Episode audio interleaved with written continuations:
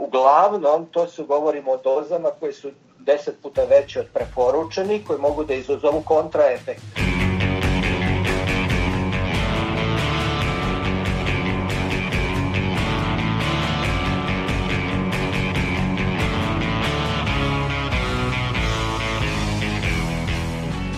Slušate podcast Reaguj nezavisnog društva novinara Vojvodine. Moje ime je Iva Gajić, a na podcastu rade i Irena Čučković, Sanja Kosović i Sanja Đorđević.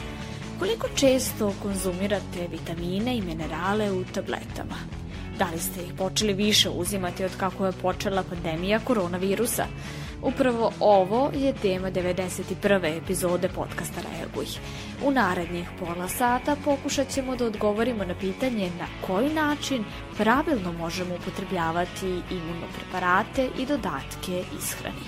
Za početak, studentkinja na praksi Marija Marčeta razgovarala je sa građanima i građankama Novog Sada o tome koliko često uzimaju vitaminske suplemente. Treba mi jedan C vitamin, magnezijum i kalcijum. E, I kažete mi, molim vas, da li imate nešto e, sa kolagenom, e, još neke vitamine, neki kompleks, onako više vitamina u jedan, da ne moram sad opet se posebno da kupujem? Pandemija koronavirusa nas je sve primorala da više brinemo o svom zdravlju. U brzom svetu u kakvom živimo, teško je dnevno uneti sve vitamine koji su potrebni našem organizmu. Stoga ljudi često pribegavaju bržim i lakšim načinima unošenja vitamina kroz dodatke ishrani. Proverili smo koliko novosađeni koriste suplemente u ishrani. U poteci kupuješ vitamine na svoju ruku? Pa ne kupujem na svoju ruku, ovaj, u porodici imamo lekara pa nam kao poštujemo njihovu reč po pitanju toga. Kupujem suplemente na svoju ruku jer posle korone uh, mi je opadala jako kosa i lice mi je bilo odvratno. Pa iskreno to ponekad i radim zato što to smatram nekim dodatkom ishrani, tako da smatram da je na taj način to ok raditi. E, da, kupujem, pošto sad treniram i potrebno mi je suplementi za snagu, jačinu, e, za prosto jačinu kostiju i svega, tako da često kupujem. A da li zbog pandemije kupuješ više tih vitamina? Ne, kada sam bolestan, odnosno kad se osjećam prehlađeno, onda kupujem stvari koje ranije nisam. Pa u početku pandemije svi smo bili onako uh, uplašeni i onda mislim da smo stvarali zalihe toga. Pa uvek sam koristila suplemente i pre pandemije, ali sad ali ne nešto preterano više nego pre. E, kako misliš da ti vitamini utiču na naš organizam? Pa na moj organizam ne znam na tuđe, ali na moj utiče veoma dobro. Mislim, ja sam zadovoljna kako to utiče na mene i iskreno koža mi je jako bolja posle toga. Koliko otprilike novca izdvajaš mesečno na te vitamine? Mislim, za taj jedan lik sam potrošila do 2000. Obično ne puno, ali u tim nekim vanrednim situacijama kad sam bolesna i tome slično, onda vjerovatno više. Pa ja znam da C vitamin košta 300 dinara, tako nešto i što mislim da nije toliko skupo. Pa sve zavisi kako koji mesec, ali na primjer prethodni mesec sam dala 5000 dinara na suplemente. Kao što smo čuli, svi anketirani uzimaju suplemente na svoju ruku. Za njih daju od nekoliko stotina do nekoliko hiljada dinara. Ipak ostaje pitanje da li je pre toga neophodno konsultovati se sa lekarom. Čuli smo koliko su novosađani i novosađanke spremni da izdvoje za imunosuplemente. S ovim u vezi studentkinja Milica Milošević razgovarala je sa farmaceutom Nikolom Kokotovićem.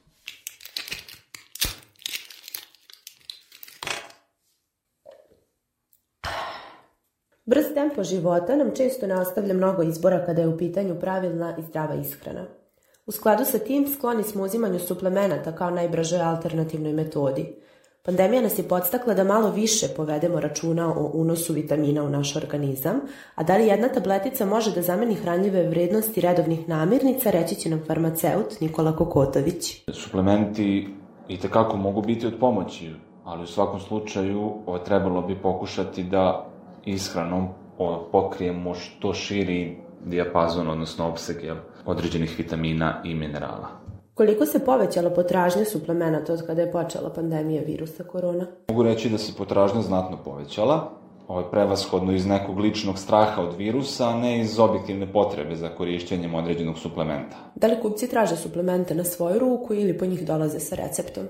Ljudi su dolazili u apoteku s namerom da kupe suplemente, što na svoju ruku, što po preporuci svojih lekara.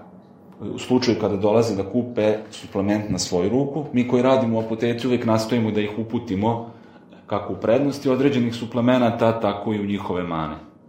Priču baziramo na tome da oni sasvim dovoljno vitamina i minerala mogu da unesu u organizam uravnoteženom ishranom, a da suplemente uzimaju u slučaju kada jasno postoji deficit određenih vitamina i minerala, zato što sadrže pojedinih vitamina i minerala u jednoj tableti ili kapsuli suplementa, neretko premašuje čovekove dnevne potrebe za tim vitaminom ili mineralom.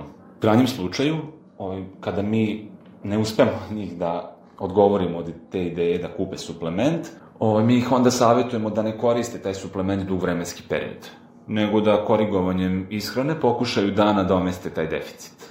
U slučaju kada dođu sa preporukom lekara, oni su mahom tada već pozitivni i lekari prepisujući veliku koncentraciju pojedinih vitamina i minerala nastoje da inicijalno podignu imunni sistem osobe i da se samim tim osoba brže izbori sa datim virusom. Dakle, zdravlje definitivno ulazi na usta, upravo smo se uverili da ono može biti i obliku tablete i kapsule. A sa farmaceutkinjom razgovarala je i koleginica Irena Čučković. Irena? Tako je, Iva. Specijalistkinja farmacije Sonja Stojiljković objašnjava da na tržištu postoji veliki broj suplemenata koji se tiču imuniteta. Pre svega to mogu biti vitaminski ili multivitaminski preparati. Od kako je krenula korona, u suštini u fokusu su vitamin C, vitamin D i cink, za koje je raznoraznim studijama zapravo dokazano da oni e, mogu da u, nekim, u nekoj manjoj meri čak i suzbiju viruse, odnosno da mogu dovoljno da ojačaju imunitet e, pacijenta da e, se on bolje bori protiv e, virusa.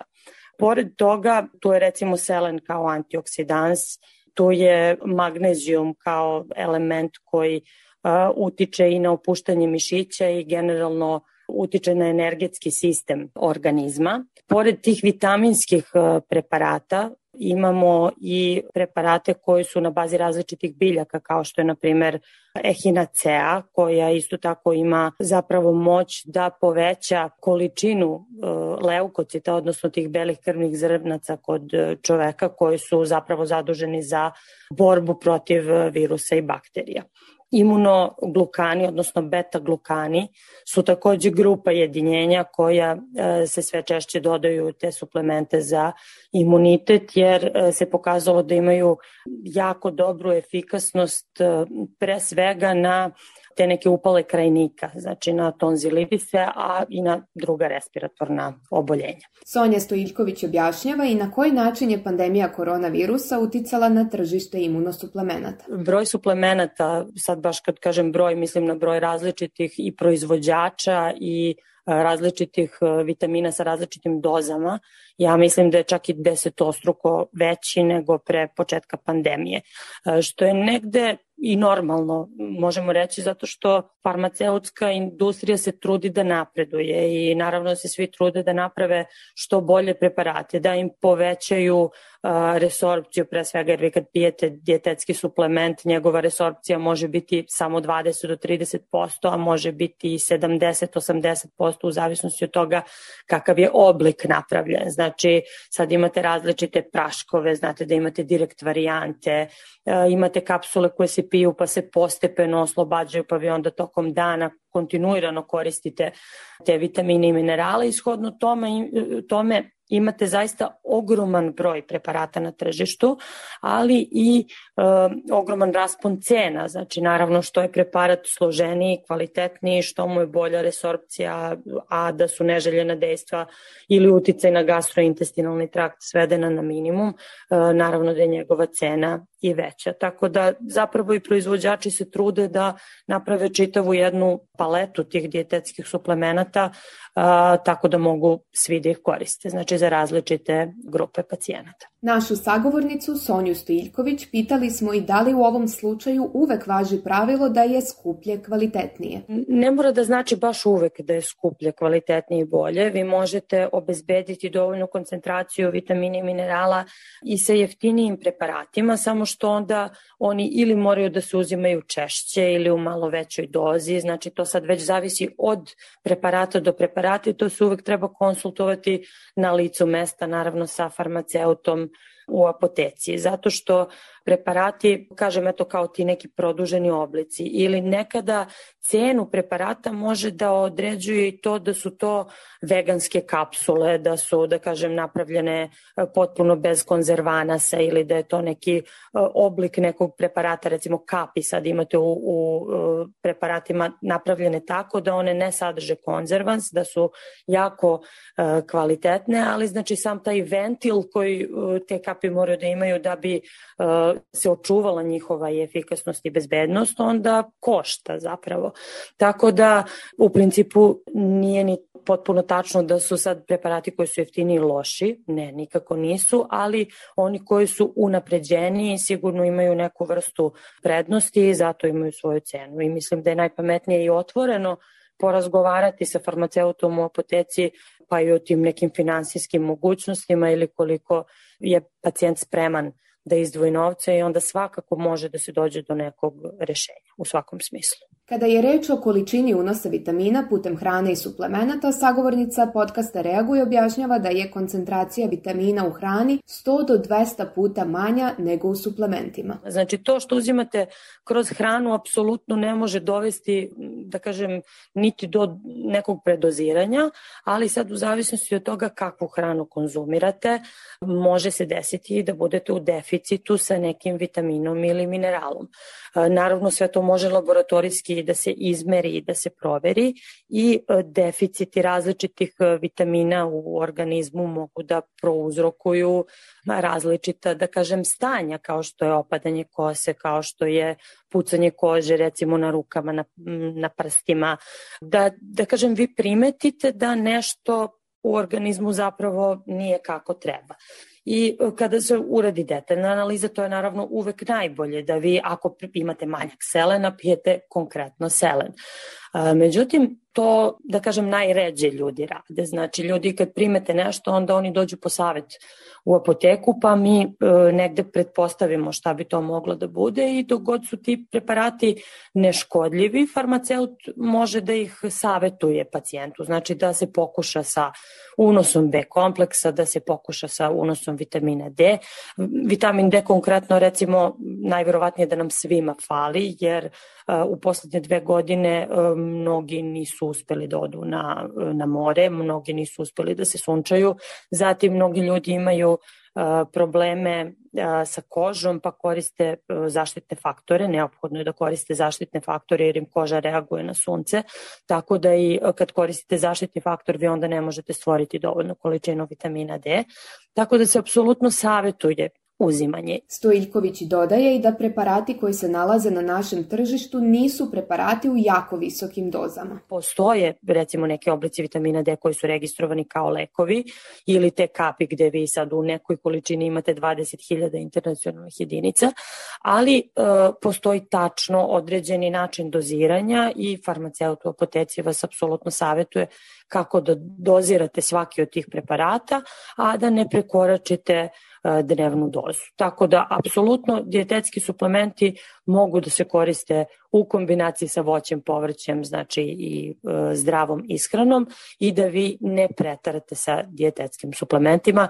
Naravno, svako treba vrlo individualno da vodi računa o tome i treba da razgovara o tome sa farmaceutom u apoteci. Naša sagovornica objašnjava i na koji način je pandemija koronavirusa uticala na naše navike uzimanja imunosuplemenata. Sigurno da je bilo i ljudi koji su e, preterali, znači jer ljudi su bili e, mnogo upućeni upravo na internet i na različite portale i mnogo je važno kada se zapravo, nemam ništa protiv internet sadržaja, znači, ali da e, kada nekoga slušate, onda slušajte, odnosno gledajte da savet bude od strane lekara ili od strane farmaceuta i da bude prosto namenjen makar grupi ljudi koja je slična vama. Mi u apotekama zastupamo te neke individualne principe, znači zato je najpametnije otići u apoteku i savjetovati se sa farmaceutom ako već ne idete kod lekara ili nemate neki problem koji zahteva pregled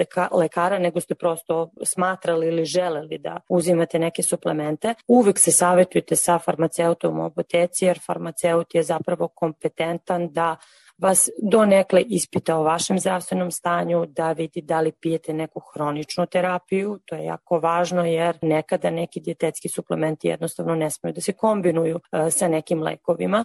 I zato kažem da je najvažniji taj individualni pristup, ne mora sad svako od nas da ide u laboratoriju i da radi analize da vidi kakav mu je vitaminsko-mineralni status, ali uh, jednostavno savet makar farmaceuta u apoteci apsolutno mislim da je neophodan za donošenje takve odluke. Kao što smo čuli, veliki broj informacija i saveta o vitaminskim suplementima građani su tokom pandemije dobijali putem interneta. Sanja, šta smo sve tamo mogli pročitati? Pa Irena, evo saveta koje je moguće pronaći u medijima, odnosno koje vitamine bi trebalo da uzimamo kako bismo se zaštitili od korone. Pored pranja ruku, obaveznog nošenja maski i distance od metar i po, po pisanju brojnih medija čini se da su i vitamini i suplementi neizostavni deo prevencije koronavirusa. RTS u tekstu pod nazivom Njegovo veličanstvo vitamin D, objavljenom krajem prošle godine, navodi da vitamin D ima posebno mesto u prevenciji i lečenju koronavirusa. RTS navodi da ovaj vitamin unosimo kroz meso, ribu i jaja, ali da lekari savetuju da je svakako potrebno uključiti i suplemente. Portal Lepa i Srećna piše da nutricionisti savetuju da tokom pandemije dnevno uzimamo dva puta po 500 mg vitamina C za prevenciju od infekcije. Nutricionistkinja sa pomenutog portala dalje savetuje da je potrebna i suplementacija vitamina D i K2, kao i da je potrebno uzimati 20 mg cinka na dan. Kako je i danas pisao još 2020. godine, kada su virusne infekcije u pitanju, najvažnije je uzimati vitamine D i C, koji su, po navodima autorke, bez sumnje glavni zaštitnici našeg imunog sistema. Pored vitamina D i C, autorka u danasu ističe i cink. Po njenim rečima, delovanje cinka kao minerala podrazumeva stopiranje procesa upale, odnosno oboljenja, jer svojim delovanjem na ćelije virusa prekida dalja lančana vezivanja i na taj način blokira dalje širenje i suzbija postojeće. Ipak, nutricionistkinja sa portala Danas nije dala savet čitaocima da kupuju suplemente, već je nabrojala namirnice u kojima je moguće pronaći potrebne vitamine. Medijski prostor za pružanje saveta za prevenciju koronavirusa suplementima su, pored lekara i nutricionista, određeni mediji davali i sportistima. Tako je portal Telegraf tokom 2020. godine objavio tekst sa 10 saveta tenisera Novaka Đokovića o načinima da se smanji rizik od infekcije koronavirusom. Ovaj tekst je ubrzo proverio portal raskrinkavanje.ba i došao do zaključka da su neki od Đokovićevih saveta ne samo netačni, već i opasni. Tako je Đoković u tekstu Telegrafa savetovao da je potrebno uzimati više struko veću dnevnu dozu vitamina C i cinka od preporučene, što je izrazito nepreporučljivo od strane stručnjaka. A pored toga naveo je i da je koloidna srebrna voda izuzetno delotvorna za imunitet. Kako navodi portal raskrinkavanje.ba, za učinkovitost ove srebrne vode ne postoje dokazi, a potencijalno može i narušiti zdravlje. Kako je navedeno u tekstu raskrinkavanja, članak sa Đokovićevim savetima su preneli brojni portali, uključujući Blic, Dnevnik, Sport 2, Alternativna televizija, Nezavisne novine, Naša borba i Republika. Čuli smo šta kaže internet, a šta kažu lekari? Koliko su nam vitamini od koristi u borbi protiv covid -a? Iva? Specijalista interne medicine dr. Dejan Zahorjanski ističe da je uzimanje vitamina preporučljivo, posebno nakon preleženog covid ali naglašava da to treba biti u ograničenom vremenskom periodu. Jedan aspekt cele te priče vezano za povećanu potrošnju jeste preporuke pre svega samih lekara koji su radili recimo u tom COVID sistemu, pa i ja lično i sada sam još uvek u COVID sistemu, gde se preporučuje određena suplementacija i nadoknada vitamina, ali u ograničenom vremenskom periodu. Drugi deo aspekt priče jeste društvene mreže i zastupljenost reklama, aj da kažem, u elektronskim medijima, gde se svi ti suplementi mogu o njima nešto pročitati, naravno i nabaviti u svakoj apoteci bez lekarskog recepta, te stoga je i njihova nekontrolisana potrošnja takođe bila zastupljena verovatno, kažem iz istih razloga e, koje sam i naveo. Zahorjanski za podcast reaguje i objašnjava da postoje dve vrste vitamina i da od toga zavisi i opasnost od predoziranja određenim vitaminima generalno ih delimo u dve velike grupe, jedni su hidrosolubilni, jedni su liposolubilni, znači jedni su rastvorljivi u vodi, to su vitamin C, vitamin B kompleks, e, oni su, da kažem, generalno manje opasni po organizam u dozama kad se uzimaju duži vremenski period i u višestruko većim dozama od onih preporučenih doza koji se odnose na dnevni unos vitamina i suplemenata a mnogo opasnija situacija je vezana za vitamine koji su liposolubilni, a to su vitamin A, D, E i K, koji su, ajde da kažem, mnogo toksični s obzirom da imaju tendenciju na gomilavanje, to je deponovanje u masnom tkivu organizmu. Tako da i odatle kreće ta priča vezana za opasnost od predoziranja određenim vitaminima ako se uzimaju nekontrolisano duži vremenski period bez adekvatne, ajde da kažem, potrebe i u mnogo većim dožnama nego što je to preporučeno dnevnim unosom. Kako Zahorjanski objašnjava, do perioda pre drugog svetskog rata jedina mogućnost za unos vitamina i suplemenata bila je zdrava ishrana.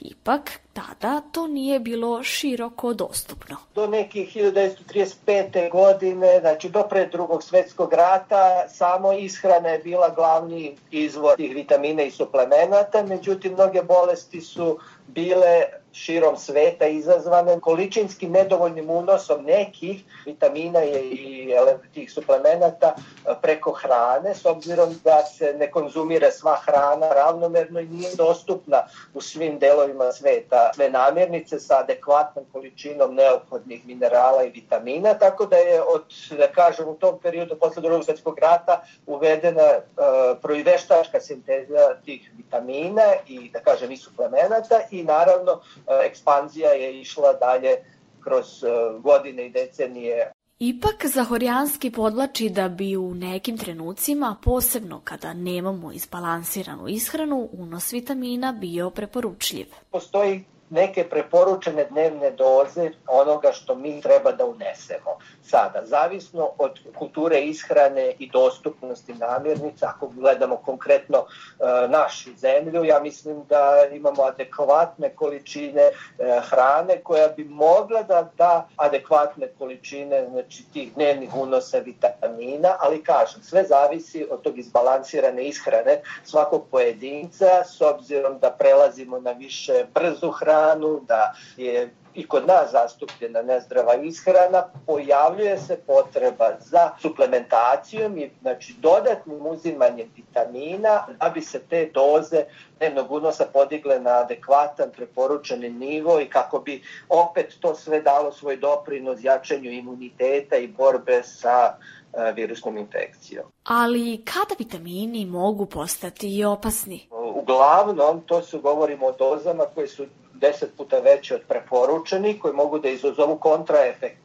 Vi imate recimo kompleks vitamina B koji se uzima kod e, nervnih oštećenja, kod periferne neuropatije, kod diabetes neuropatije, e, kao pomoć lečenju tog perifernih nerava i adekvatne funkcionisanju tih e, perifernih nerava. Ali ako vi uzmete 10 puta veću dozu tog vitamina u dužem vremenskom periodu, vi dobijate zapravo sad toksični efekt tog vitamina, konkretno recimo vitamina B6, na nervni sistem do te mere da su oštećenje mogu dovesti do paralize. Znači, do određene doze lek u preko određene doze u dužem vremenskom periodu može biti vrlo toksično. Čuli smo da vitamini ne mogu da reše sve probleme, naravno, ali u nekim situacijama njihov unos je i tekako preporučljiv.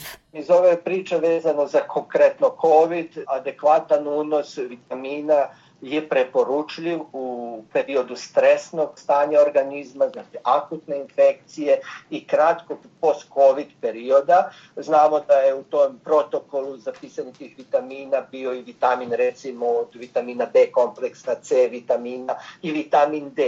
Vitamin D jeste liposolubilni vitamin, jeste vitamin koji je ključan za rad imunološkog sistema i još nekih drugih enzimskih e, dešavanja u organizmu, ali opet taj vitamin D i sam organizam stvara u određenim količinama, tako da bi tu trebalo napraviti onaj adekvatan unos u slučaju da je izloženost spoljašnjim svetlosti smanjen, jeste to je zimski period, ali opet kažem ograničeni unos e, u trajanju od mesec, dva, ne više u slučaju deficita.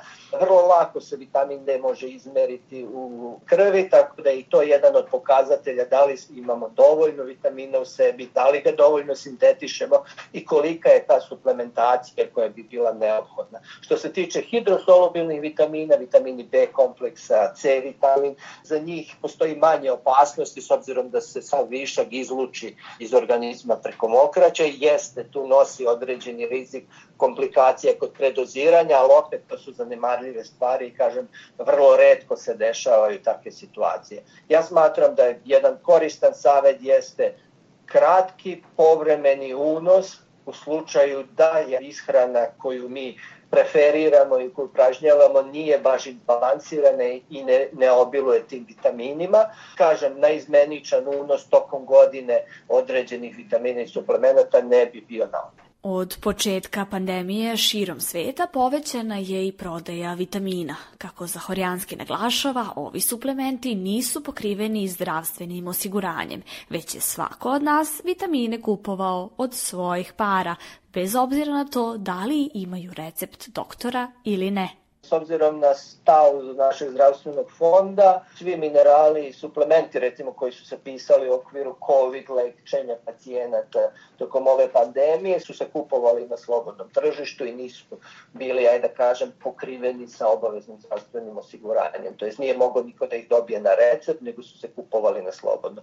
Tako da je to jedna razlika u širokoj dostupnosti tih preparata bez recepta. Istina je da je prodaja suplemenata porasla, a i tek će rasti.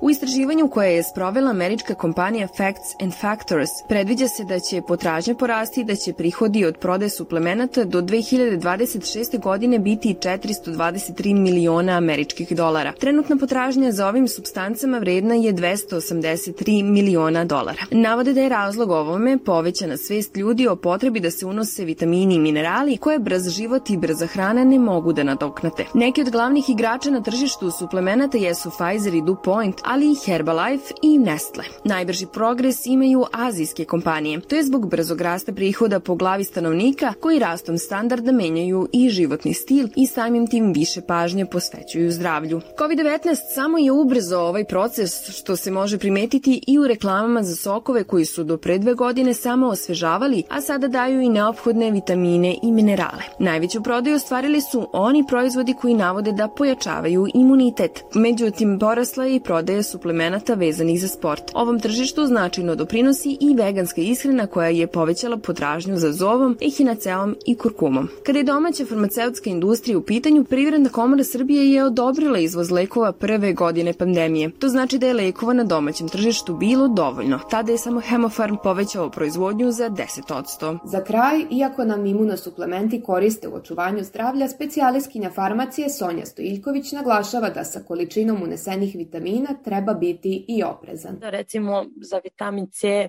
stoji to da on e, nema hipervitaminozu, vi zapravo vitamin C možete uzeti koliko god i ništa vam se neće desiti, ali e, je stvar u tome da, na primjer, kad uzimate velike količine vitamina C, on je jedna kisela substanca i može da dođe do poremećaja te acidobazne ravnoteže, recimo poremećaja kiselosti urina. A ako vi poremetite kiselost urina, onda može da se desi da stvorite medijum koji je dobar za razvoj nekih bakterija u urinu. Tako da čak ni sa vitaminom C koji eto, se smatra potpuno bezbednim preparatom ne treba na svoju ruku preterivati. Znači ima nekih slučajeva kada e, se viđa da lekari daju e, dosta jače doze i kada je to preporuka lekara to je potpuno u redu, ali kažem kada su u pitanju dijetetski suplementi, vitamini i minerali, bezbedni ste sa dozama koje su preporučene dnevne doze i sa dozama za koje ste dobili savjet u apoteci da ih možete koristiti. Nemojte nikako i nikada preterivati na svoju ruku. Sa ovim se slaže i doktor Dejan Zahorjanski. On kaže da je najbolje da se svako od nas posavetuje sa lekarom, kako bi on odredio koju bi količinu kojih vitamina trebalo da unosimo. Svako od nas je individua i svako od nas ima drugačije potrebe i reaguje na te vitamine, suplemente, tako da svako bi trebao da ima svog izabranog lekara i u konsultaciji sa njim da radi ono što se zove suplementacija, nadoknada, da shodno znači, svom opštem zdravstvenom stanju i potrebama koje ima, da se napravi adekvatni izbalansirani godišnji unos tih vitamina, suplemenata, ako je to potrebno.